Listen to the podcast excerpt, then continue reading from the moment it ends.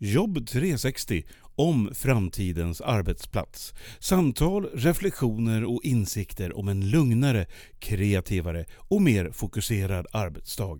Inbjudna gäster tillsammans med Pia Andreasson och hennes kollegor från Direxio.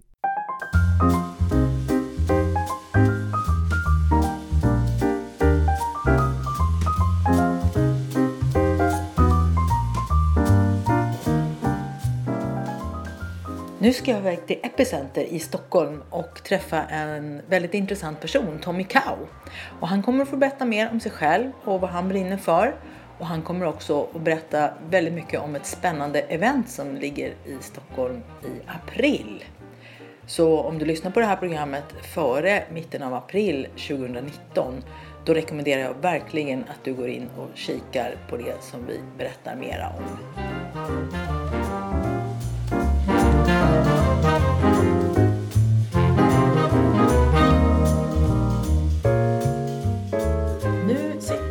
Här på Epicenter med Tommy Cow. Och eh, Tommy, jag tänkte börja med att be dig berätta. Vem, vem, vem är du och vad har du gjort och varför sitter vi här och, och så? Ska vi börja med dig kanske? Absolut, det går bra. Eh, Tommy Cow heter jag som sagt. Eh, 35-årig gift småbarnsförälder som försöker få ihop livet och Ah. driver företag. Ehm, och eh, rent professionellt så eh, driver jag huvudsakligen ett bolag som heter Cow Company som är en minibyrå som jobbar mycket med utveckling av HR-frågor och talangfrågor. Kanske vi kommer in på mer. Ah, ja, det är ju väldigt hett nu här sen, sen Microsoft här för en, några dagar sedan hade en, en dag kring just HR och den digitala arbetsmiljön. Mm.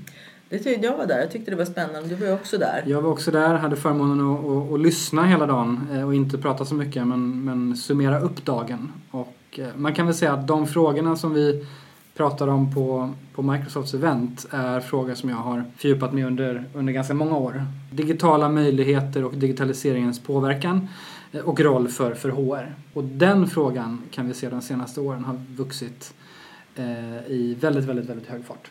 Ja, och det är, det, jag tycker, det är därför jag tycker det är så spännande. Vi ska prata lite mer om det. Sen har vi en annan sak som vi ska prata om här om en liten stund bara. Eh, men det får vara lite så här cliffhanger vad vi, vad vi ska ta upp om en stund. Mm, För just det här ämnet med HR och IT och den digitala verkligheten. Jag har ju också varit med ganska många år här nu. Det är faktiskt sju år sedan som, som jag började med att eh, utbilda i det här med medvetet arbetssätt och effektivitet och upptäckte ju väldigt snart att de här digitala arbetsmiljön som människor hade var ju helt förvirrande för många. Och det känns ju väldigt bra då att jag kan hjälpa dem med en bit av den. Eh, Men det jag upptäckte väldigt snart var att när jag blev hänvisad till en personalavdelning, alltså till en person inom HR, så, så fort jag råkade nämna ordet Outlook, som då ju är ett, programvara, så sa de genast då ska du prata med IT. Och när jag ringde till IT sa de nej, utbildning det är HR som har. Eh, och så ringde man tillbaka till HR och då sa de att då skulle du prata med respektive chef. Och det vart liksom lite pingpong där. Och jag fick ett intryck av att det var ganska, att de inte pratade med varandra. Men det har alltså börjat nu. Men jag tycker, jag var med och drog igång Sveriges första internetkonferens för HR-chefer 2012. Då fanns det i praktiken ingenting eh, som hjälpte HR-ledare och HR-proffs ute i, i landet att förstå digitaliseringen eller digitala möjligheter och, och att både se dem och, och försöka angripa dem och dra nytta av dem. Och sen kan man säga att det har hänt enormt mycket. Det här var 2012, så de senaste 6-7 åren har det hänt väldigt, väldigt mycket. Och ett av mina stora budskap nu när jag jobbar med både kunder och som när vi var förra veckan på det här eventet. Det är att HRs roll i digitaliseringen är ju väldigt mycket att skapa förutsättningar för att organisationen ska orka och kunna digitalisera sig eller driva sin digitala transformation som man kallar det. Eh, eftersom så väldigt mycket handlar om ledarskap, arbetssätt, kompetensutveckling och dessutom att få in en ny typ av kompetens. Så det blir väldigt mycket HR-frågor. Och jag har sagt i många år att HR har egentligen den mest spännande rollen när man pratar digitalisering för att det är så väldigt mycket som är beroende av väldigt mycket av framgången som är beroende av HRs insats. Med det sagt så kan jag också se under flera år att just frågan om arbetssätt och ska man säga, digitala arbetsverktyg, arbetsplatsen som sådan. Där har HRs eh, makt och påverkan varit lite för svag. Man har inte tagit den, i min mening, den frågan tillräckligt mycket. Man har Krasst kan man nog säga att man har varit väldigt upptagen av väldigt många andra frågor som har hamnat liksom i högre prioritet. Men nu ser vi eh, återigen det vi pratar om väldigt mycket på konferenser, det många kunder eh, säger att man kämpar med och det man vill ha mer av. Det är saker som är direkt kopplat till att hitta nya, bättre arbetssätt. Ja, det Både ju, fysiska och digitala. låter ju underbart för Direxios del då i och med att vi plockar in, eh, pitchar in just på en del av arbetssättet.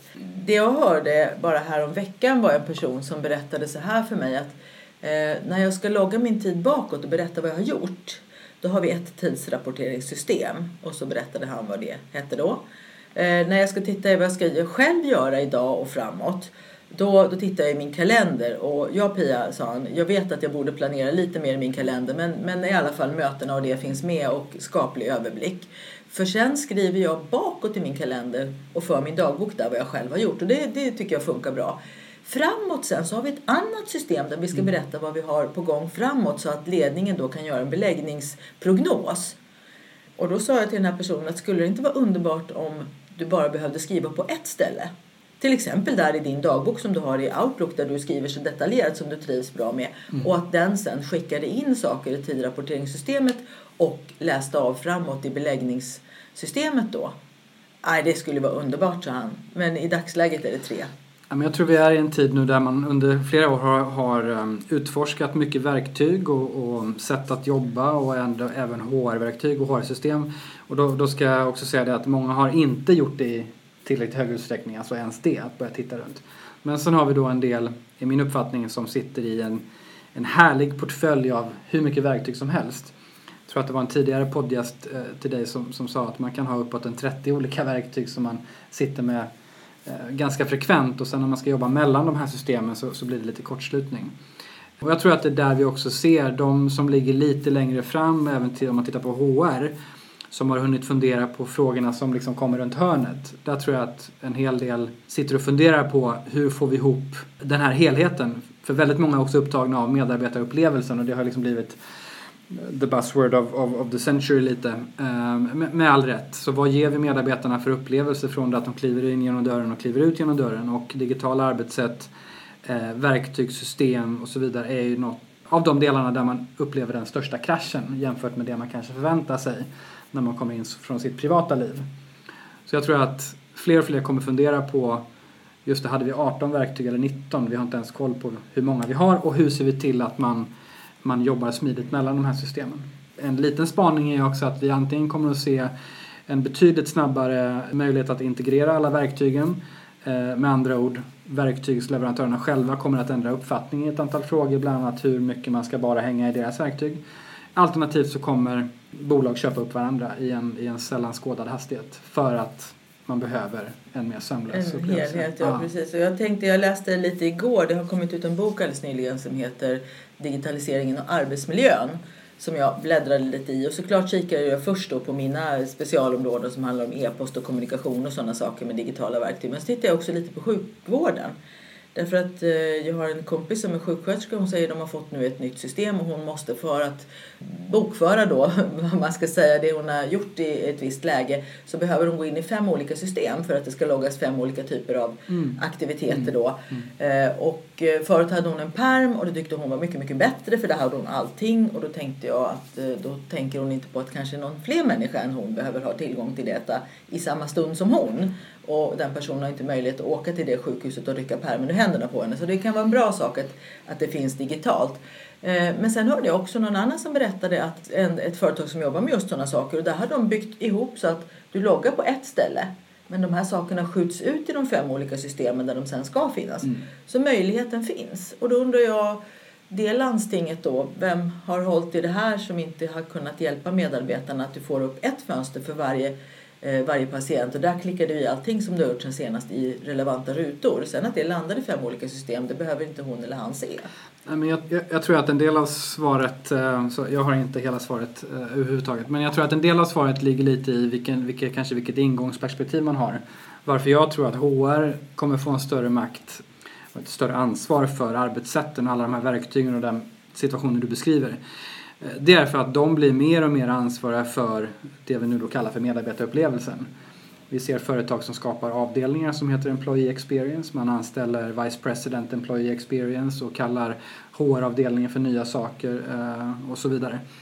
Eh, och det är för att den situationen du beskriver, eh, den kommer omöjliggöra att man lyckas locka morgondagens sjuksköterskor och morgondagens talanger. Och det är oftast mitt perspektiv in. När jag pratar med kunder och med andra så är det mycket, hur ser vi till att attrahera, engagera och utveckla talanger? Det är det som varenda organisation idag har utmaningar med, vare sig man är ett landsting, en svetsfirma eller om man är eh, de stora fina varumärkena som vi alla känner till. Då behöver man kunna erbjuda något som är mer eh, lätthanterat, mer friktionsfritt, mer engagerande när man sitter och jobbar eh, i, sina, i sina verktyg. För man sitter ju väldigt, väldigt mycket där och, och spenderar sin, sin tid. Och jag tror att det här är också, tillbaka lite till, till vad jag gör. Jag och en gammal kollega har också utvecklat en, ett, ett initiativ och skrivit en bok som heter State of Mind at Work som handlar oerhört mycket om precis den här diskussionen. Att vi behöver fråga oss vad är det vi ska ha ut av eh, kanske inte bara de här sjuksköterskorna då, utan vad ska vi ha ut från våra medarbetare överhuvudtaget? Vad är det de ska bidra med i, i praktiken? Och väldigt mycket idag handlar ju om att man ska bidra till problemlösningsförmåga, du ska liksom låsa upp din, din hjärnkapacitet på olika sätt, du ska vara kreativ, du ska framförallt eh, har vi en jakt på personlig produktivitet. Eh, och då någonstans är det ett fascinerande stort gap när man tittar på det vi förväntar oss av medarbetarna idag, det vi behöver och de förutsättningar som vi de facto ger medarbetarna i termer av inte bara verktyg som vi pratar om nu utan även vilken plats man får jobba på, vilka människor man får jobba med och hur. Och här behöver vi ge mer ansvar, makt, initiativförmåga till individen. För individen eh, vet ofta eh, själv hur man är kreativ och produktiv och hur man navigerar i verktyg och så vidare. Så vi behöver ge lite mer möjlighet till individen att välja, eh, tror jag. Eh, och det är det vi ser inom HR-områdets olika delar generellt så blir det mycket, mycket mer eh, MI-fokuserat. Vare sig det handlar om rekrytering eller utvecklingsprogram eller ledarskap eller eh, lönesättningar, vad det nu kan vara. Och här är ett område som jag också tror kommer behöva genomgå i vissa organisationer en hyfsat smärtsam individualiseringsresa. Ja, jag såg bara igår såg jag just en, en en post på LinkedIn då, som handlar om agilt arbetssätt som handlar just om att, att man kan kunna sätta sig i den arbetsgrupp som, som funkar bäst för stunden och kunna, kunna få tid med de medarbetare, de kollegor som man behöver för att lösa ett visst problem. För det är också ett problem som jag stöter på, där, det här med tillgänglighet. Jag har ju ett pass om det också i mitt utbildningsprogram. Att verkligen reflektera över vilka människor behöver vara tillgängliga, när behöver de vara tillgängliga och vilka behöver tillgång till dem. Eh, och en del chefer som har gått mina kurser de har ju, de har ju börjat då att sätta sig på en viss plats en viss tid, någon timme om dagen. Och noga talat om i sin kalender var sitter jag och när och då är jag tillgänglig, det är bara att komma till mig. Eh, och de cheferna säger ju att det är ju helt magiskt vad lugnt det blir på resten av dagen.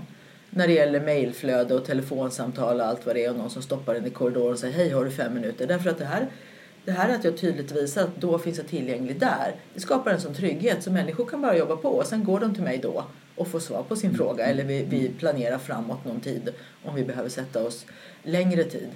Eh, och det är ju också bara en fråga om att, att använda den där väldigt, väldigt enkla Outlook-kalendern till att tala om där finns jag tillgänglig. Och bara den lilla, lilla saken kan skapa ett bättre flöde. Ja. Eh, och att chefer då får lugn och ro att jobba större del av dagen. Det måste ju vara en oerhörd tillgång för de flesta de, de, företag. De, de har hittat ett sätt som fungerar för dem, ja. alltså individuellt. Ja, eh, och, precis. och eh, i det här fallet då valt att nyttja de verktygen som finns. Men lite precis det jag tror att, att många söker. Alltså låt mig få bli mitt bästa jag på jobbet genom att jag får vara med och bestämma lite mer. Och, och hitta det som fungerar för mig. Och idag finns ju den möjligheten i och med att det finns så bra utbud av olika verktyg och ställen att jobba på. Nu sitter vi på innovation, innovationshuset Epicenter eh, exempelvis som är ett av stans numera ganska många eh, coworking-ställen. Eh, ehm, och de växer ju som svampar ur marken av en anledning. Och det är att vi behöver en större mångfald i, i var vi sitter och jobbar någonstans. Beroende på vad det är vi ska göra. Men, men det är intressant att höra ett sånt väldigt enkelt exempel hur det kan frigöra tid, energi Eh, och göra att de här ledarna blir mycket mer produktiva. Och då är det troligtvis ingen uppifrån som har sagt att eh, så här ska vi jobba. Utan då har de tagit initiativet genom att försöka hitta sätt som funkar för dem. Ja, det är det jag känner också. Den input jag gör det leder till olika saker för olika människor. Olika saker, människor kommer på olika saker utifrån sitt, Absolut. sin arbetssituation, sitt arbetssätt och så vidare. Men det leder alltid till att du Pia, jag har kommit på att om jag gör så här, då blir det bättre på det viset. Mm. Och det är precis där jag vill bidra. Där är ju min passion. Men Mm. var, var, varför gör du det här du gör då? Var- Varför är du så passionerad på den här biten? Nej, men jag har ju jobbat i mm, de senaste 15 åren med att hjälpa eh, organisationer att stå liksom, väl rustade för att lyckas just attrahera, engagera och utveckla personal. Och det man kan säga är att har man gjort det så länge och under den här tiden så har det ju hänt ett antal saker. Vi har ju liksom hela sociala media liksom har, har hänt. Digitala arbetsverktyg eh, har kommit på en helt annan nivå. Vi har också eh, minst en och nu två nya generationer som börjar bli dominerande på arbetsmarknaden men med helt andra krav. Eh, och vi har inte minst haft den mobila revolutionen som möjliggör att vi kan vara fullkomligt oberoende av, av tid och rum när vi, när vi jobbar. Eh, och, och, och att hjälpa HR eh, dels se eh, och förstå och liksom nyttja de möjligheterna som det här innebär. Det har varit någon form av röd tråd och, och, då, och så tycker jag är väldigt, väldigt roligt. Och sen blir det också väldigt konkret. Eh, konkreta skillnader om man lyckas med ett par av de här grejerna eller inte. Så vi kan ju bara se att de som till exempel ägde, brukar jag uttrycka mig, de som ägde talangmarknaden för tio ja, tio år sedan. De stora fina varumärkena, eh, konsultbyråerna, bankerna, storföretagen och så vidare. De har ju idag, eller de senaste åren, haft ganska stora utmaningar.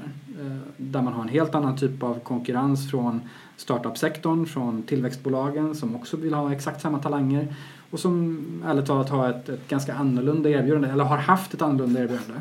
Där man mer får eh, komma in i ett sammanhang eh, där man kanske jobbar mer med den senaste te- tekniken, man jobbar med nya arbetssätt, man har en, kanske en ännu tydligare koppling till vision och mission, varför man jobbar just där, annan frihet och så vidare. Eh, så det, det blir väldigt smärtsamma och påtagliga effekter av hur, om man liksom lyckas med de här grejerna eller inte. Så, ja, men, så det brinner jag väldigt mycket för, att, att liksom hjälpa ledare och HR-organisationer med det, men sen också det som vi sitter och gör nu. Eh, jätteviktigt och blivit allt viktigare att utforska och sprida kunskap eh, tillsammans. Och eh, att, att få ut det. För att väldigt många, vare sig man är chef eller HR, sitter i de allra flesta organisationerna och jobbar ganska själv. själv. Man är som ledare ganska själv och som HR i många organisationer så är man oftast inte så många. Eh, Och då behöver man eh, connecta med andra och, och, hjälpa och lära varandra. Ja, Jag tror mycket på det. där kommer vi faktiskt in på, på nästa spår här som vi jag hintade lite om i början. Det finns ju en sån mötesplats här som kommer upp nu inom några månader som heter Workspace. Och där eh, har du faktiskt hand om hela alltihopa, eller hur? Visst är det så Tommy? Ja, jag har hand om programmet så hela alltihop är ju... Är ju Det är lite att ta i, det, kanske. kanske. Ja, för det, det här blir ju en ganska stor mötesplats. Vi räknar ju med, med ganska många hundra, eh, eller planerar för ganska många hundra deltagare. Nej, men det här är, eh, precis, det är ett nytt, en ny konferens, ett nytt forum där vi kommer att fokusera under två hela dagar på morgondagens arbetsplats. Så hur utformar man den? Hur möter man den? Hur skapar man eh, morgondagens arbetsplats? Eh, och det som vi alla pratar om, att morgondagens arbetsliv och, och, och, morgondagens talanger och vad man nu kallar det, det är ju i hög utsträckning redan här. Eh, så det handlar om hur man snabbt anpassar sig till det. Men där kommer vi då att prata om just lite det här, vad är det organisationer kämpar med idag? Vad är det för affärsutmaningar man har eller, eller verksamhetsutmaningar? Och hur ska vi bygga en arbetsplats som kan hjälpa till att möta det och lösa det? Både utifrån ett talangperspektiv men också utifrån eh, arbetssätt och hur den utformas rent fysiskt och hur vi får alla människor med oss eh, på det. Så det, det kommer bli jätte, jätteroligt och jag har förmånen att få vara programutvecklare och även moderator för de här två dagarna. Som vi då kommer fylla med massa spännande talare, eh, workshopledare och enormt mycket kunskap. Mm. Och Workspace Sweden, det går ju på Stockholmsmässan och det är ju inte bara en sån här lärkonferens utan det är flera delar i, i den. Kan du berätta lite mer? Ja, men det kan jag. Det, det, det vi försöker göra är att addera ganska många perspektiv. Det finns ju inte brist på konferenser och forum för de här frågorna. Eh, det, det kan man ju inte påstå. Däremot så vill vi ta ett litet annat grepp. Så dels handlar det om att addera ganska många perspektiv. Eh, dels handlar det om att eh, vi knyter upp hela konferensen kring tre huvudämnen som vi kallar för People, Solutions och Workspace. Så människodelen, hur vi skapar en medarbetarupplevelse som folk, eh, eh, som folk vill ha eh, och får människor med oss på den. Solutions handlar mycket om hur man navigerar det digitala landskapet och skapar lösningar som driver de beteendena som vi anser oss behöva. Eh, och den sista delen, Workspace, handlar ju om den fysiska miljön. Alltså hur bygger vi en fysisk miljö som, som driver beteenden och, eh, och medarbetarupplevelse, eh, produktiv, produktivitet och så vidare. Och under de här tre Eh, temana så har vi helt enkelt eh, parallella eh, ganska många parallella breakout sessions under de här två dagarna. Där man får fördjupa sig. Några är workshopformat och några är mer liksom föredrag och diskussionsformat. För att man beroende på vilket fokus man har när man kommer dit som deltagare kan få ett program som är så relevant som möjligt just för en själv. Så man riggar sitt spår kan man säga och sen följer man det och man är där en dag eller två dagar. Och, ja, och, och, och sen har vi en huvudscen där det sker några saker också. Alltså keynotes och lite paneler och, och, och andra samtal. Men, men väldigt mycket händer i de här breakout-spåren. För vi ser också att de som kommer, alltså huvudmålgruppen är chefer, HR och, och de som utvecklar kontor. Men även i de grupperna så har man ju väldigt olika behov. Eh, och vissa är mer fokuserade på den fysiska miljön för man kanske står inför ett ganska närliggande eh, behov av att ändra den. Eh, vissa kommer dit och är kanske har mer, mer people-hatten på och vissa är mer liksom teknikorienterade. Då ska man kunna hitta sina ämnen. I tillägg till det så finns det en stor utställarhall där vi har sagt att målet är att deltagare ska kunna komma till Workspace Sweden med sina problem och utmaningar och de ska kunna få dem delvis då hjälpta i vår utställningshall. Där vi har partners som Microsoft och Kinnarps och, och en hel del andra. Ja, det är ju en viktig sak för att de konferenser jag har gått på, jag har ju gått på 30-35 av de här konferenserna som har varit de senaste fem åren. Och eh, där är det ju väldigt mycket att man får sitta och lyssna på någon som berättar någonting i 45 minuter. Och ofta nog när det har handlat om framtidens arbetsplatser har det ju varit människor som har gjort, löst det på ett visst sätt. Och de berättar ju då helt naturligt om vad som har funkat och ibland så tar de upp någonting som inte har funkat. Och sen är det eh, en kort break eller också är det 20 minuters kaffepaus och sen tillbaka igen och lyssna. Och jag har ju tänkt många gånger hur, hur kan man göra på ett sätt som gör att människor verkligen får med sig någonting hem som man konkret kan jobba med. Och där vet jag att Workspace har ju väldigt mycket mer fokus på det som du just sa, att det ska vara användbart mm. när du kommer mm. hem. Mm. Ja, men jag som programutvecklare lägger ganska mycket tid på att liksom bolla fram och tillbaka med de här talarna som vi nu har antingen klara eller på väg in. Att, liksom, hur utformar de sin, sin programpunkt? Och sen är då eh, instruktionen, eh, förväntan till alla som pratar är att varje spår ska avslutas med fem saker folk kan gå hem och göra. Eh, så att det blir liksom ytterligare konkret. Och eh, en annan poäng som vi har gjort tydligt är att väldigt många av de här kundcasen som finns och som syns på konferenser och olika sammanhang eh, som har eh, kanske implementerat ett nytt arbetssätt eller flyttat till nya lokaler eller implementerat ny teknik eller vad det kan vara. Alltså avvikelserna för hur de här casen skiljer sig åt är inte enorma. Så att vi har faktiskt skalat ner ganska hårt i antalet kundcase och snarare valt ut och håller på att välja ut ett par utvalda som vi får fördjupa oss i. Eh, för att det skiljer sig inte dramatiskt dem emellan utan bättre att ge lite mer utrymme till ett par. Eh, och vi jobbar nu på några av de mest liksom, kanske välkända eh, som har skett nyligen. Och sen handlar det, många av de andra spåren handlar om att ge verktygen och kunskapen som förvisso kanske kommer från kundarbeten men man behöver inte höra vi började här och vi upplevde det och det var utmaningen och det här resultatet och så vidare. Eh, och sen har vi faktiskt också eh, åtminstone ett spår eh, som kommer vara lite kring blåmärken. Alltså, Aha, det här gjorde det, ont. ja, och det är ju bara att konstatera att det är ju väldigt få organisationer som fullt ut lyckas med det vi nu pratar om. Alltså i stor skala åtminstone. Och, eh, och där jobbar vi på att få några som kan berätta lite också om liksom blåmärkena man får av att jobba med de här frågorna och driva sådana här projekt. Ja, och den, den hint som jag har hört inom det området är ju att man har underskattat och gravt underskattat att det handlar om en beteendeförändring. Absolut. Det är där kroken ligger helt enkelt. Så är det. Så är det. Och eh, jag säger det själv eh, att eh, när man ska skapa förståelse för det här att det handlar om att ändra ett beteende i relation till, ja, jag jobbar ju med det man redan har idag eh, för att bygga för framtiden då att när man får nya saker ska man känna sig tryggare än vad man skulle ha gjort om man inte hade fått den här första pusselbiten. Då ser jag att redan där är det svårt att förändra beteenden. Vi kan prata om en sån enkel sak som kalendern igen. i de kursgrupper jag har när jag säger att du behöver planera din arbetstid bättre. Du behöver skaffa dig en bättre överblick. Här har du ett redskap men det är nyttigt både för dig och organisationen. Det kommer att gynna er om du tänker till lite i förväg.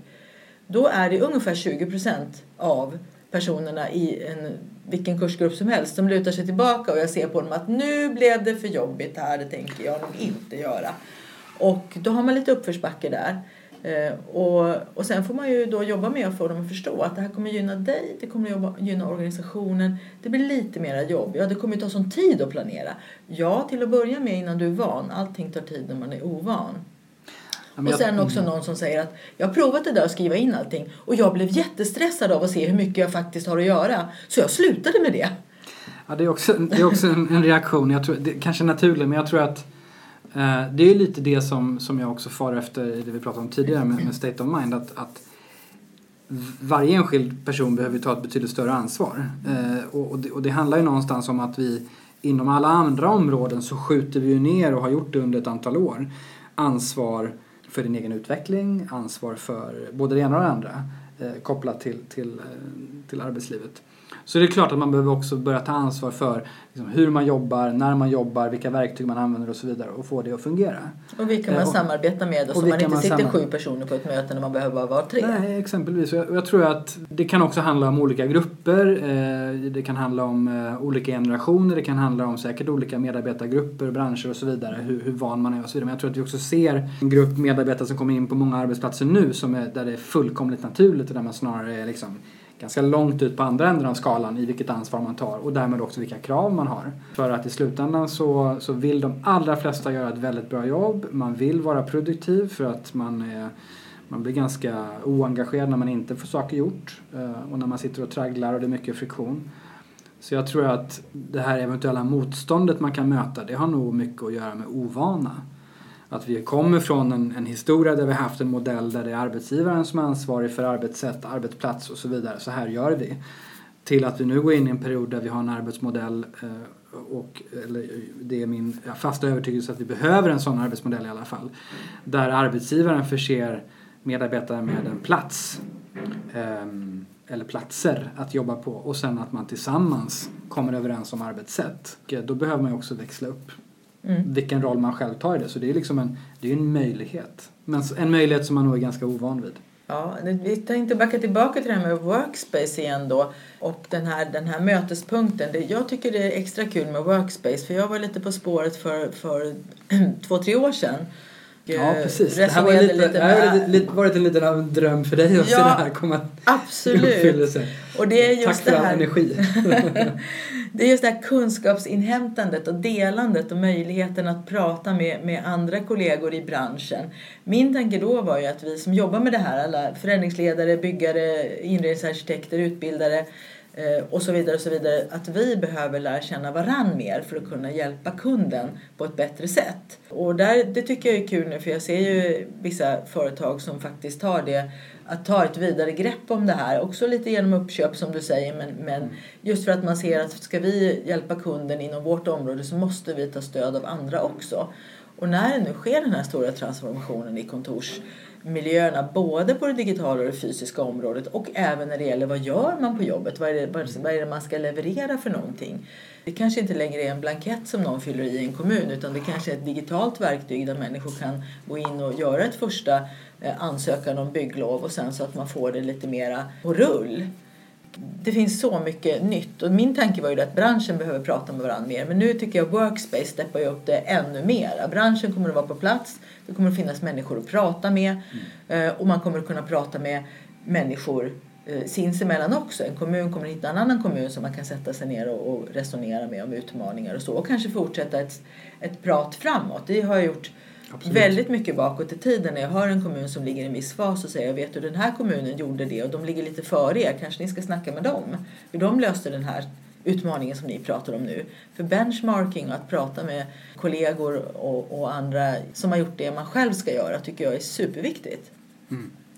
Jo, men jag tror att vi är inne också tillbaka till vad vi pratade om förut. Jag tror vi är inne i en fas nu där man faktiskt behöver eh, Ehm, det räcker inte med att inspireras utan man behöver hitta de som har hunnit göra. Ehm, och prata med dem och benchmarka med dem och sen behöver man själv komma igång och göra eh, mycket mer och testa mycket mer. Ehm, och det försöker vi också se till att vi, vi då också inom Workspace hittar ett par kanske kunder eller case som har liksom kommit lite längre. Som antingen då som vi kommer ha Microsoft till exempel som pratar om deras nya eller nästa eh, stora kontorsflytt efter 28 år i Akalla ska de in till, till Urban Escape i Stockholm city. Eh, jättestor förändring. Och, eh, de har ju gjort, de har varit pionjärerna mycket kring nya arbetssätt och, och det nya arbetslivet lanserade de för ett gäng år sedan. Så nu gör de det igen. Hur tänker en sån aktör? Eh, hur tänker en sån aktör? Vad planerar de för? Vad är liksom deras tankar? Så det är jättespännande. Vi har också de som har implementerat till exempel aktivitetsbaserat och nu märkt att eh, det fungerar inte i den utsträckning som de vill i sin verksamhet. Vi kommer att ha Klarna som kommer att prata om, om deras utmaningar där man har implementerat aktivitetsbaserat intensivt och brett och sen gjort eh, under förra året, 2018, en tämligen radikal organisationsförändring. En remake? Ja, 2.0 kallar de det. En, en remake i, i, på alla tänkbara sätt. Eh, och en radikal omorganisation ner till Eh, eh, hundratals team istället för liksom en organisation. Eh, ställer nya krav på hur behöver arbetsplatsen vara, hur behöver arbetssätten vara. Så de kommer komma och prata om, om deras modell som de nu ska, ska rulla ut under året. Det tycker jag är jättespännande för jag tänker så att Klarna klev snabbt över till aktivitetsbaserat. Det är ett ungt företag. Och att de gjorde det, som jag ser det, så ledde det till att de fick syn på sina egna arbetssätt på ett, på ett helt annat sätt när de öppnade upp i aktivitetsbaserat och såg vad är det vi egentligen behöver. Och då fick de därmed chansen att rigga ännu en ny arbetsplats, ett nytt arbetssätt utifrån sina verkliga behov. När de inte längre satt fast i det här, var och en sitter på sin egen plats och jobbar och man jobbar lite i stuprör. Mm. Så det mer agila arbetssättet för dem ledde till en helt ny arbetsorganisation. Ja, exakt. Och de, ja, men det ska bli väldigt spännande. De kommer prata om resan från liksom eh, plywood, eh, alltså de har gjort en testversion i full skala i, i Berlin tror jag det är. Så ja, vi kommer ha som sagt olika cases som pratar om olika perspektiv. Vi kommer också ha eh, talare som bestämt och eh, intensivt ifrågasätter aktivitetsbaserat eh, arbetssätt och kontor. Vi kommer ha eh, den senaste forskningen, så det kommer att färdigställas en rapport bara veckorna innan av den senaste forskningen kring aktivitetsbaserat. Så att vi kan bli ett av de första ställena där, där det presenteras. Vi kommer också ha några av de som har till exempel jobbat väldigt länge med aktivitetsbaserat och låta dem titta lite runt hörnet. Så vi kommer ha Jonas Hurtig-Grabe bland annat från, från Veldhoven som kommer prata om hur han har gått då från att vara ABV-veteran till att bli Scrum Master och var liksom eh, agila arbetssätt verkligen ställer för krav på den fysiska arbetsmiljön. Eh, han var ju den som tog ABV till Skandinavien 2009. Och så att säga inte, inte bara titta på där vi står här nu utan vad ligger runt hörnet. Ja, det ska bli superspännande. Jag ser så mycket fram emot de här dagarna. Och Workspace Sweden, om man googlar på det så hittar man ju alltihopa det här och talarlistan och allting. Det kommer komma upp eh, väldigt högt upp i Google tror jag. Ja, ja det låter jättebra det. ja. eh, Tommy, jag får tacka dig för, för den här stunden. Det har varit superintressant att höra din input och också vem du är, vad du har gjort och vad du brinner för men samtidigt väldigt mycket om Workspace. Tack så mycket, jättekul att vara här.